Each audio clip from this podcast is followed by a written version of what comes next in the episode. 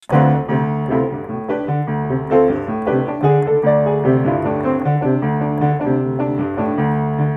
is de NAPK Start Podcast. Een podcast waarin ik, Vincent Bijlau, praat met jonge zakelijk leiders, creatief producenten en kwartiermakers.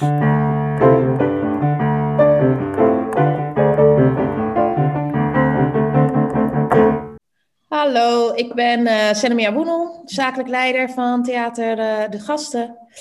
En um, wat kan ik over mezelf vertellen? Ik ben uh, creatief producent, heb een hart voor de kunsten, een hart voor jongeren, hart voor subculturen. Um, en breng die heel fijn samen bij de gasten. Ik zit daar nu sinds maart 2019. Uh, en het voelt als een rollercoaster, maar een hele fijne rollercoaster waar ik in zit. En het is natuurlijk heel heftig geweest om zakelijk leider te worden en uh, na een jaar in uh, een pandemie terecht te komen. Maar het brengt ook uitdagingen met zich mee waar ik heel goed op ga. Laten we eens even zeggen, de gasten. beschrijf even het gezelschap.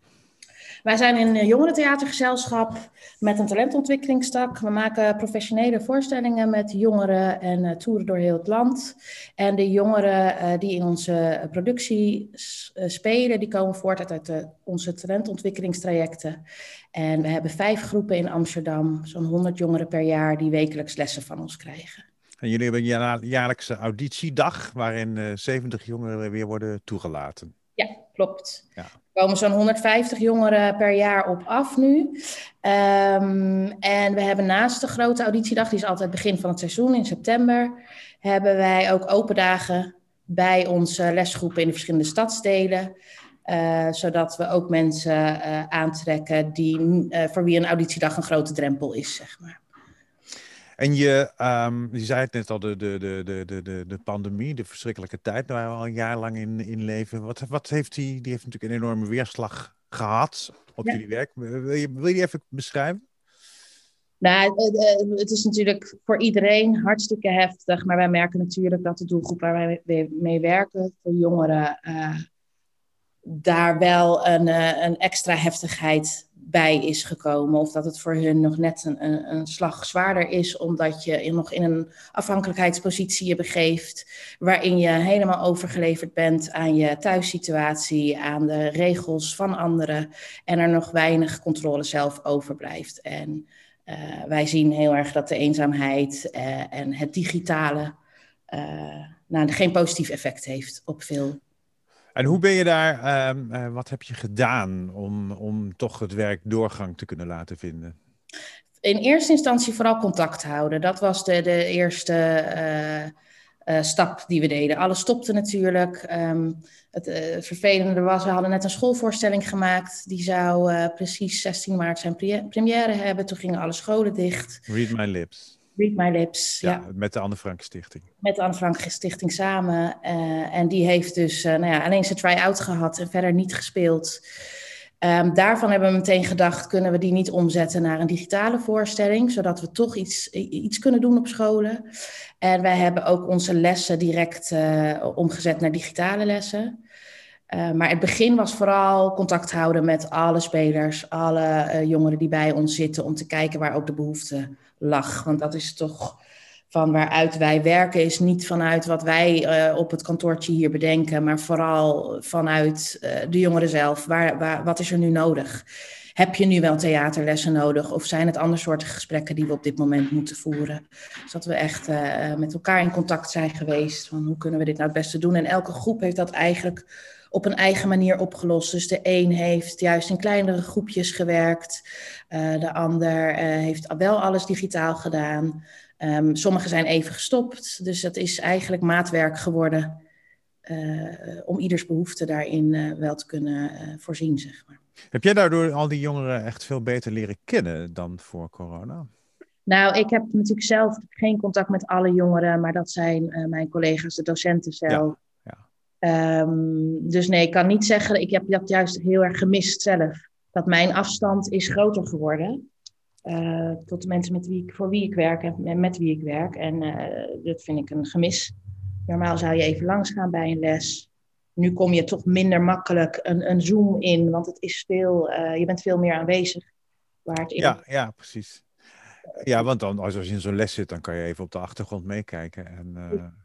En kom je elkaar ook uh, buiten de lessen om gewoon meer tegen. En dat, dat is echt volledig weggevallen natuurlijk.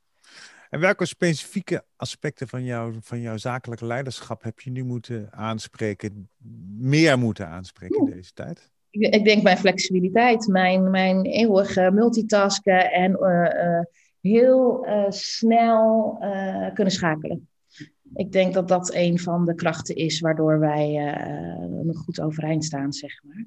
Um, Zitten dat, dat zijn tools natuurlijk waarvoor je de rest van je leven uh, enorm veel aan hebt.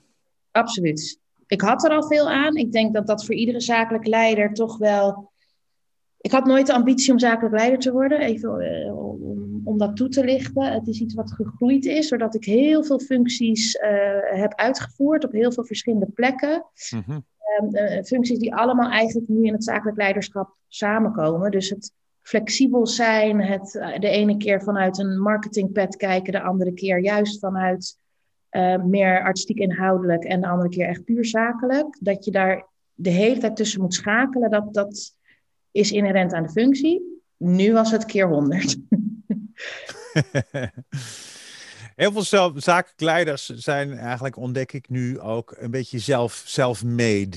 Ja, dat kan je wel. Dat denk ik dat dat bij, voor bijna elke zakelijk leider geldt. Het is gewoon geen functie die je echt kan leren. Die moet je. je ja, het kan natuurlijk wel. Dus, maar ik denk dat je heel erg vanuit de ervaring pas die functie kan gaan vormen en je eigen kan maken. En, en zelf kan gaan invullen. En omdat er zoveel aspecten bij komen kijken, denk ik dat de meeste zakelijke leiders een hele route hebben afgelegd waarin ze verschillende functies hebben gedaan. Om vervolgens hierop uit te komen. Wat maakt nou eigenlijk um, um, het zakelijk leider zijn van een jongere gezelschap uh, zo specifiek? Dat je twee ritmes tegelijk moet uh, hanteren, in moet opereren. Het ritme van de jongeren is heel anders dan het ritme van de fondsen en een wat grotere organisatie. En die verenigen, dat is de grote uitdaging voor een zakelijk leider van een jongerengezelschap. En hoe, um, um, hoe overtuig jij fondsen van het belang van jouw gezelschap? Ik denk heel erg door te laten zien de jongeren voor je te laten spreken. Uh, te laten uh, zien waar mensen terechtkomen. Wat, wat de waarde is van onze rol in de uh, talentontwikkeling. Dus ik denk, je kan dat alleen maar door voorbeelden en best practices het beste in ieder geval overbrengen. En vind je daar een gewillig oor in? Oh, zeker. Ik heb eigenlijk goede ervaringen met de fondsen die ons steunen. We worden nu gesteund door uh, Amsterdams Fonds voor de Kunsten, structureel, uh, Fonds Cultuurparticipatie en Fonds Podiumkunsten, uh, nu nieuw in het kunstenplan. En ik moet zeggen, ik heb, ik heb goed contact met de fondsen en vind dat, dat, dat ik in goed overleg onze, onze praktijk kan uitleggen. Dat betekent niet dat de juridische regelgeving bij de fondsen soms niet toelaat dat het ad hoc werken wat nodig is met jongeren. Ja ja, dat werkt elkaar soms wel tegen. Nou ja, dat is ook wat, wat ik vaker hoor. Dat je de, de, naarmate je meer ad hoc wil werken, dat je eigenlijk wendbaarder wil zijn, dat dat niet goed past in die oude structuur, zou ik maar zeggen, van subsidiëren. Klopt. En dat blijft nog steeds ontzettend lastig. En dat is gewoon met jongeren vooral. Uh, vandaag ontstaat er een idee wat we het liefst volgende week willen uitvoeren. Uh, ja, dat, dat gaat niet bij uh, de meeste fondsen. Nu is het heel prettig dat wij in het kunstplan zitten, dus waardoor wij structureel gesubsidieerd worden, waardoor er wat meer vrijheid is om dat zelf in te richten. Voorheen waren we echt een projectorganisatie. Ja, dan is het gewoon drie maanden van tevoren je aanvraag doen, hopen dat je het krijgt en dan hopen dat de jongeren er nog zijn om het met je te doen.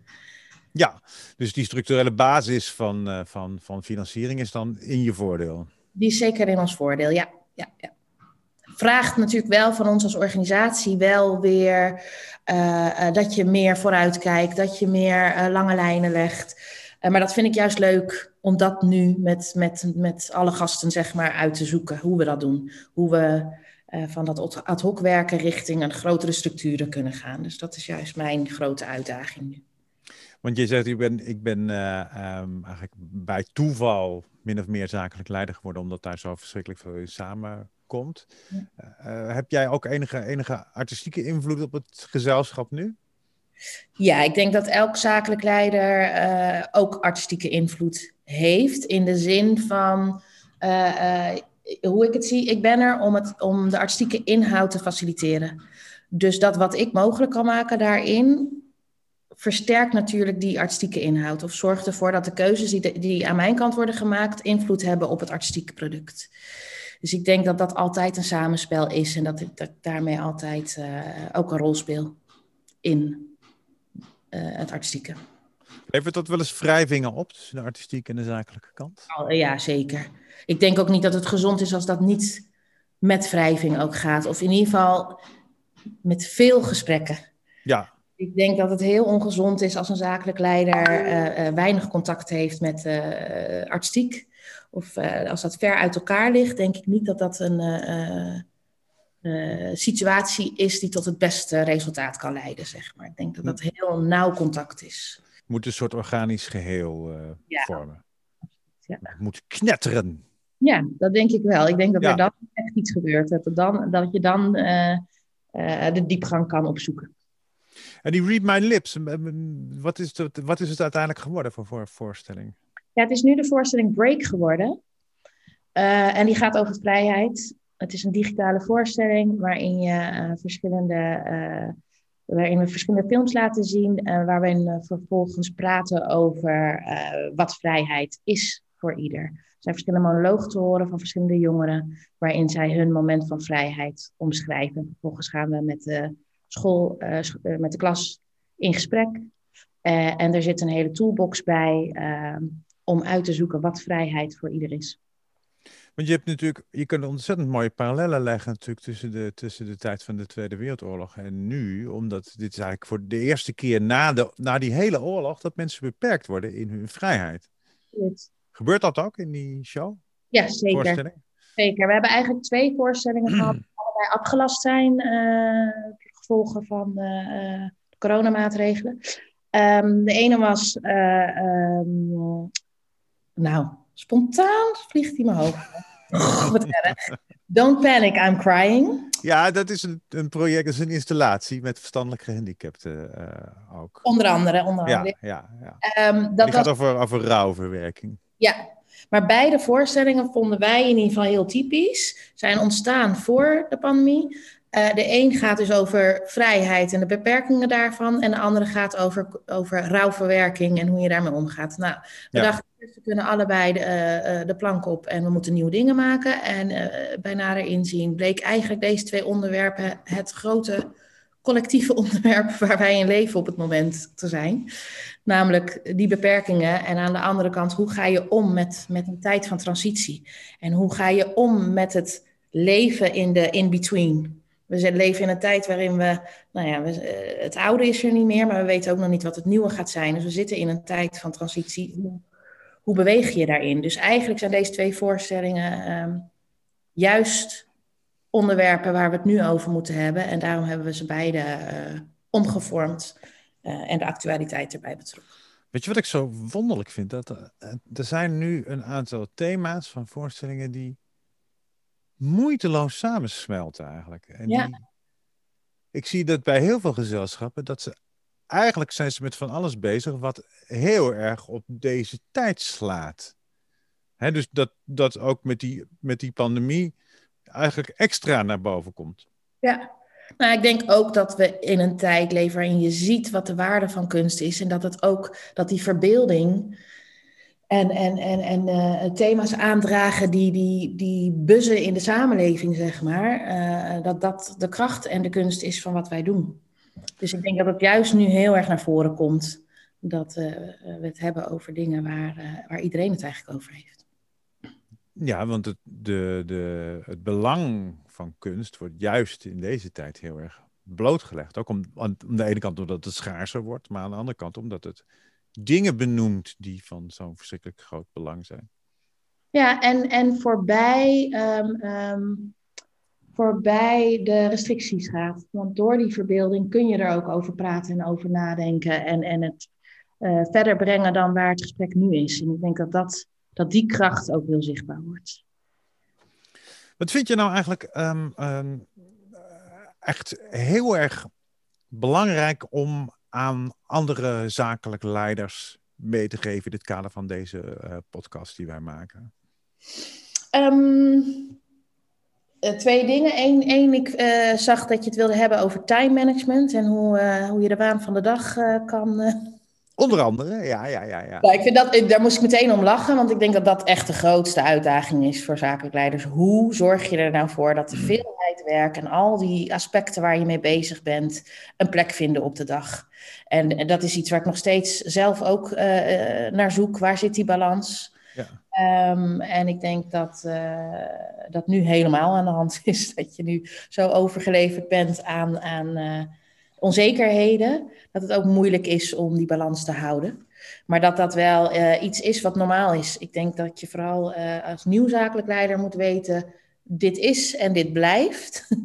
dus je rust bewaren en, en, en uh, vooral korte en lange termijn samen laten komen, is denk ik ontzettend belangrijk. Maar dat, dat jij het rustpunt bent van de organisatie, is denk ik iets wat je, wat je de hele tijd uh, voor ogen moeten houden, zeg maar. Dat is een hele, de, ja, dat men zich als het ware kan, kan louteren en laven aan jouw rust. Ja. ja. Ik denk dat dat heel uh, waardevol is op die plek. En, en ook, kijk, als jij je laat opslokken en opvreten door al die uh, dingen die moeten op korte termijn, dan dat straal je uit natuurlijk. Straal je dat uit, absoluut. Ja. En hoe, hoe zorg je ervoor dat überhaupt je, je, dat je iets van vrije tijd overhoudt?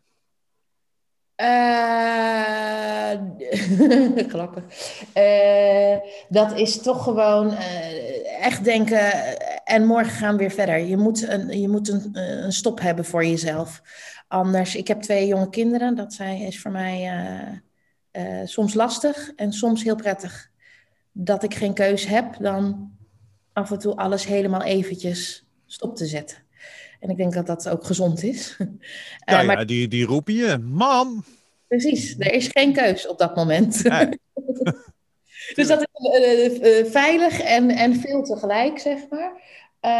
maar ik denk wel dat dat voor, voor elk zakelijk heel belangrijk is. Dat je, dat je een, een, een rem hebt ergens voor jezelf. Omdat het, het kan 24 uur doorgaan. Dat, dat is zo. Nou ja, omdat je, ja, je, dat probleem van ons is allemaal, dat gaat voor makers ook, we vallen samen met ons werk. Tuurlijk. Hè? Dat is mooi, dat is geweldig, maar dat kan ook tot vreselijke dingen leiden. Nou, het moet zelfs, die betrokkenheid is nodig. wil je, wil je, dit werk goed kunnen doen en het leuk uh, blijven houden voor, voor jezelf. Uh, maar juist de grens van die betrokkenheid, die, die is soms moeilijk te, te, voor jezelf te bepalen. Uh, maar ik denk wel dat het heel belangrijk is dat je meteen met jezelf daar afspraken over maakt. En met je team. Uiteraard. Meer mooie lessen? Um, transparante communicatie is denk ik, en helemaal nu in een tijd waarin we alles zoomend moeten doen, waarin alle uh, indirecte communicatie uh, heel uh, onzichtbaar is geworden, denk ik dat je heel transparant moet communiceren. Dat dat ontzettend belangrijk is. Um, en veel vraagt van, van een zakelijk leider. want ook de onbesproken zaken moet je, moet je ervoor zorgen dat die besproken kunnen worden. en ik denk dat als je dat goed kan, dat daar heel erg een kracht ligt voor, voor je team. Dus een, uh... Voorkomen dat het uit elkaar valt. Want dat is ja. een, een, enorme. Uh, daar moet je stuwend in zijn. Precies. En een veilige sfeer creëren waarin dat kan. Waarin mensen wel weten dat, je, dat jij er bent om, om uh, hun eigen ehm, valkuilen, overwegingen allemaal wel met jou te kunnen overleggen en neer te leggen zonder dat daar direct consequenties voor zijn, maar dat je samen op zoek gaat naar hoe kan het dan wel. Ja. Ik denk dat dat uh, heel belangrijk is. Heel erg belangrijk. Maar je, er zijn inderdaad, waar we het over hadden, je hebt, er zijn natuurlijk dingen. Wat, wat neem jij nou van deze tijd echt voor de rest van je leven echt, echt mee? Dat je, dat je het voor eeuwig zal blijven onthouden. Dat heb ik toen opgestoken. Um, dat je flexibiliteit ook een grens heeft. Ik ben iemand, ik zal altijd proberen er nog iets van te maken. ja. um, dus gaat die deur dicht, dan gaat die weer, deur weer op een kier. En dan ga je daar doorheen en probeer je toch via die andere gang er te komen. Uh, en daar zit toch een grens aan. En dat, ik, ik denk dat ik voor deze tijd dacht dat dat grenzeloos kon zijn. En ik merk nu, nee, soms moet je echt de rem erop zetten en gewoon uh, zeggen: nee, zo gaat het niet. En ik denk dat door de beperkingen en ik denk door ons vak en de sector waar we in zitten, zijn we zo gewend om altijd um, de zaken op te lossen met zonder geld, met veel weinig mensen. Uh, en ik denk dat we daar realistisch in moeten zijn dat daar ook een grens aan zit. Ja, want kijk, kunst wordt natuurlijk altijd heel erg vaak beschouwd als als iets wat eigenlijk zo weinig geld mag kosten, zou ik maar zeggen. Maar mhm. zo gaan we zelf ook handelen. Want we worden vaak gevraagd om dingen te doen. Ah, doe dat even, doe dat even. Ja, precies. Dus alsof het, alsof het, alsof het onze, onze, uh, onze hobby is met behoud van basisinkomen. Ja. En aangezien dat basisinkomen er nog steeds niet is, uh, moeten we dat natuurlijk bewaken. Ja. Dus dat, is nee, dat is denk ik ook een hele, een hele lastige ja. uh, positie waar wij in zitten. Je wil, je wil je werk tonen, je wil mensen bereiken, je wil, uh, uh, nou in ons geval, willen we plekken creëren, ruimte creëren voor jonge stemmen. Ja, dan ga je ver. en dat moet je zelf heel goed zien, hoe ver je dan gaat en wat je. Um, uh, waarom je dat doet. Die keuze moet heel helder en transparant zijn. Voor je hele team ook. Ja, ben jij daar wel uh, te ver in gegaan? Uh, nee, met de gasten eigenlijk niet. Ik denk in het verleden wel. Um, toen ik zelf als programmamaker, creatief producent nog bezig was, denk ik dat ik, he dat ik, dat ik ver ging, inderdaad. Ik denk met de gasten staan we echt in een, op een, in een transitie van kleine organisatie naar een redelijk grote organisatie. En de pandemie heeft ons eigenlijk gebracht dat er tijd was om te reflecteren en echt te kijken naar wie we zijn en waar we staan. Um, waardoor we ook uh, nee kunnen zeggen op dit moment tegen dingen waar we anders misschien ja op hadden gezet als alles door was gaan rollen. Dus ik denk dat dat uh, eigenlijk ook een geluk bij een ongeluk is. Kijk, jullie maken natuurlijk hele uh, relevante en verbindende en, en educatieve voorstellingen. Wat, hoe vind je dat de, dat wordt gewaardeerd door het, het, het traditionele kunstenveld? Ik denk dat het traditionele kunstveld nog een probleem heeft in willen begrijpen wat wij maken en uh, wat jongeren, of hun frame van wat zij denken dat jongeren zijn en willen zeggen. Uh, en en waar wij tegenaan lopen is dat mensen willen graag dingen duiden en graag dingen heel inzichtelijk maken, maar wij juist doordat wij met een grote diversiteit aan jongeren werken, valt er niet één antwoord te geven. Er valt niet één verhaal te vertellen. Het is een meerstemmigheid. En in die meerstemmigheid uh, is het dus moeilijk om, om het te beoordelen vanuit een traditionele blik. En daar lopen we nu nog tegenaan. En dat is iets waar wij zelf ook nog woorden voor uh, zoeken en woorden voor uh, proberen te vinden. Dat wij onszelf iets meer kunnen duiden dan dat de ander dat doet. Ja, want wat jullie doen is het ontsluiten van gedachten van jongeren. Natuurlijk het ontsluiten van hun stemmen, hun stemmen laten horen. Wat natuurlijk voor iedereen waanzinnig relevant is. En uh, dat zou die traditionele sector dan veel beter moeten begrijpen. Sterker nog, dat moet veel breder, want daar kan je zelfs beleid op maken, hè, bijvoorbeeld. Ja, absoluut. Um, um, maar eh, wat lastig is, is dat nu Um, mensen hebben een bepaalde verwachting bij deze jonge stemmen. En, en, en, en uh, als dat in huis gehaald wordt zonder echt te spreken met uh, de doelgroep, zeg maar. Um, ja, kan het soms dat die verwachting en de realiteit niet helemaal samenkomen. En ik denk dat daar uh, heel erg een probleem ligt. Nog. En dat de traditionele sector nog niet helemaal klaar is voor het echt openstellen van je eigen referentiekader. Want als ik lees waar jullie mee bezig bent, dan, mijn, heb ik maar één gedachte van ik wil ze horen, ik wil begrijpen, ik wil weten wat ze bezighouden. Dat vind ik altijd bij jongeren, omdat generaties groeien snel uit elkaar. Dus ik wil dat altijd, ik denk van, oh man, laten horen. En dat is wat jullie doen natuurlijk. Absoluut. Platform daarvoor maken. En dat is ook waarom je. En, en, eh, je moet de voorstellingen ervaren, je moet ze zien, je moet er zijn om echt te weten wat, wat daar verteld wordt. Uh, omdat je dat op papier niet meekrijgt. Dat krijg, zal je niet, uh, niet over kunnen lezen. Um, en um, wat ook belangrijk is, elk jaar werken wij met een andere groep. Dus dat geeft een andere inhoud en dat geeft een ander proces en dat geeft een andere, uh, een andere stem.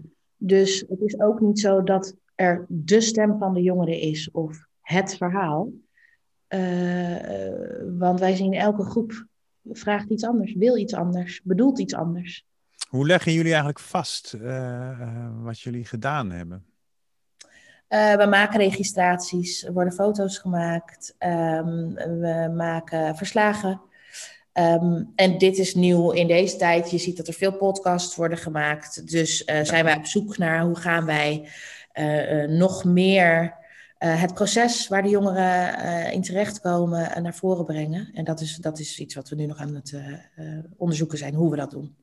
Ja, want ik neem aan dat er, dat bijvoorbeeld er zelfs een, een terrein als politiek zou heel veel aan jullie kunnen hebben, aan de uitkomsten van jullie voorstellingen.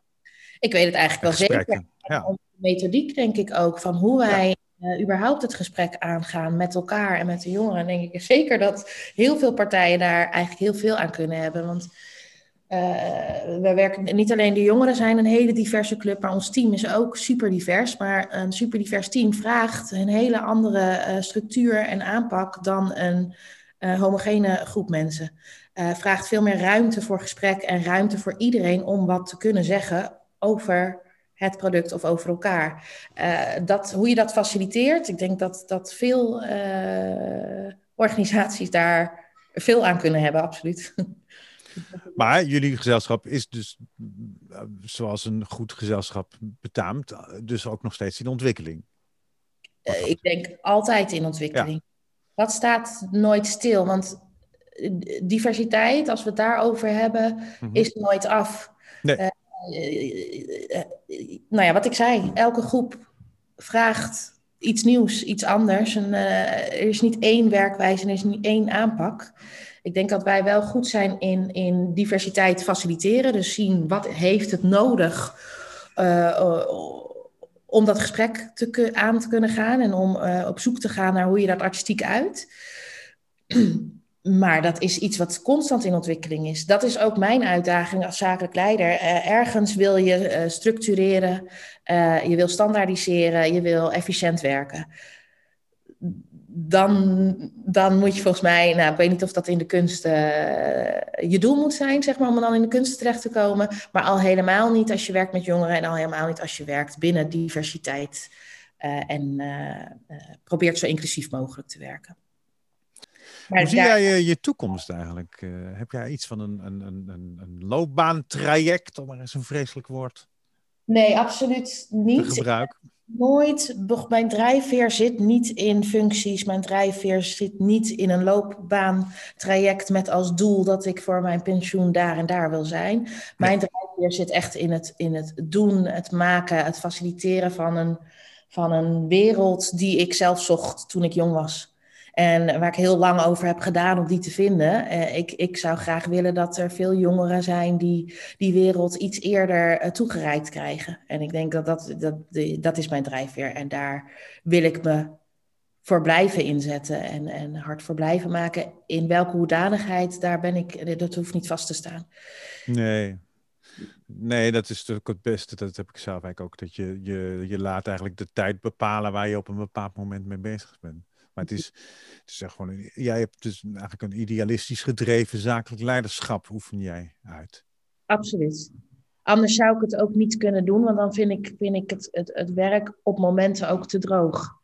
En ik kan die droogheid aan doordat ik weet waar het voor is. Waardoor, eh, omdat dat doel voor mij heel helder is.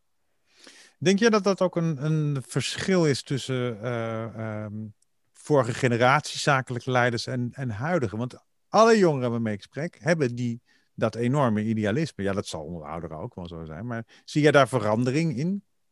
Uh, ja, ik zie verandering bij uh, hele organisatiestructuren. Dus niet alleen op die functie, maar op verschillende plekken. Ik zie verandering in de, uh, bijvoorbeeld nu het creatief producentschap, wat veel meer onderzocht en uitgezocht wordt wat dat is en wat dat betekent. Ik denk dat daar heel veel in zit. Ik denk achteraf dat ik altijd als creatief producent bezig ben geweest. Maar die functie had nog niet zo'n groot aandeel. Nee, nee, nee. nee. Ik denk dat, daar, eh, ja, dat, dat we helemaal in een verandering zitten waarin uh, gezien wordt dat al deze functies bijdragen aan het artistieke product en dus ook creatief zijn uh, en dus ook inhoudgedreven. Het lijkt wel alsof, alsof veel meer dingen aan het schuiven zijn nu. Dus dat al die vroegere zekerheden, afbakeningen van wat je beroep inhield of waar je je mee bezig hield, dat dat nu dat er steeds meer tussenschotten wegvallen. Dat denk ik ook. Ik denk dat dat op, veel, uh, op heel veel facetten in onze samenleving nu, uh, of aspecten van onze samenleving nu aan het gebeuren is. Omdat mensen zien dat de systemen die wij met elkaar gecreëerd hebben niet meer houdbaar zijn en nee. allemaal systemen van uitsluiting zijn. Uh, en ik denk dat wij daar nu met z'n allen, dat steeds zichtbaarder wordt. En dat we zien dat we dat niet zo willen blijven hanteren. Dus zomaar dingen doen omdat het zo was. Uh, of omdat het zo hoort, dat uh, zie je dat dat minder, uh, of dat er meer behoefte is aan dingen doen omdat het werkt. Ja, en dat betekent ook dat er ontzettend veel opnieuw, of niet opnieuw, dat er ontzettend veel nieuw wordt uitgevonden. Ja. En dat er dus ook heel veel wordt, wordt geïmproviseerd. En dat ja. is dus versterkt door de corona.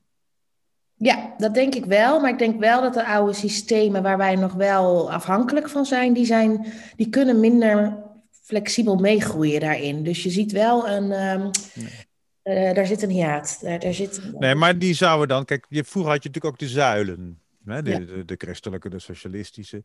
En die zijn op een gegeven moment gewoon leeggelopen. Die stonden daar als een soort lege hulsen. Dus dat zou bij die oude, deze oude systemen ook zo kunnen gaan gebeuren.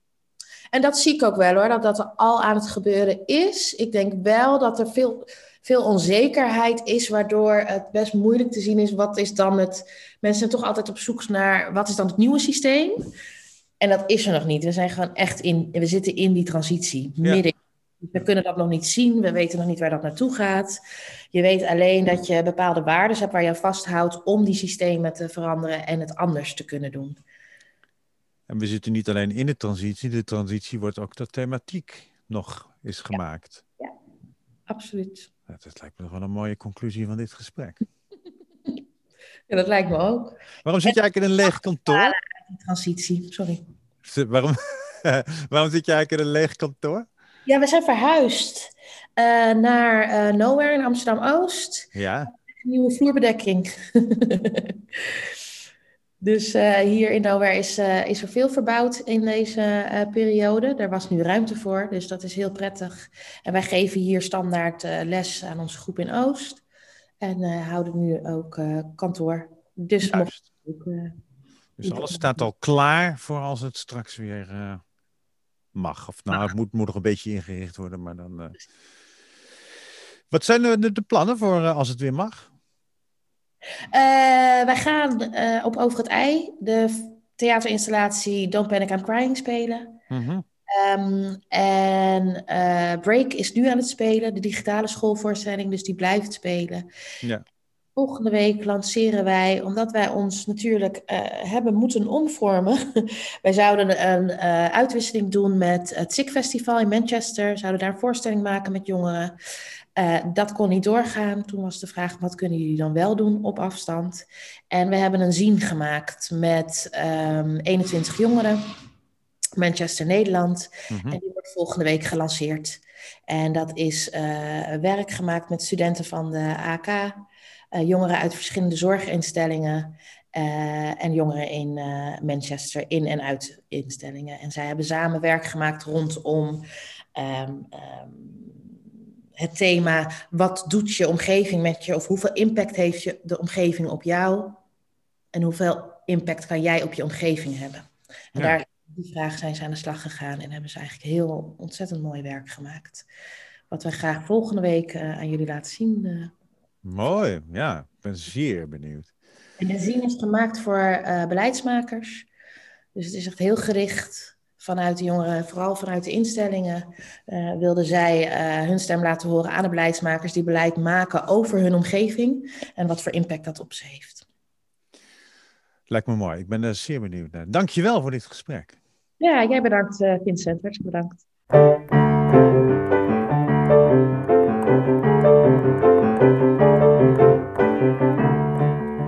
Op zoek naar meer informatie, ondersteuning, inspiratie? Kijk op napkstart.nl. Daar heb je gratis toegang tot een gevarieerd aanbod aan workshops, talks, presentaties, podcasts, masterminds en meer.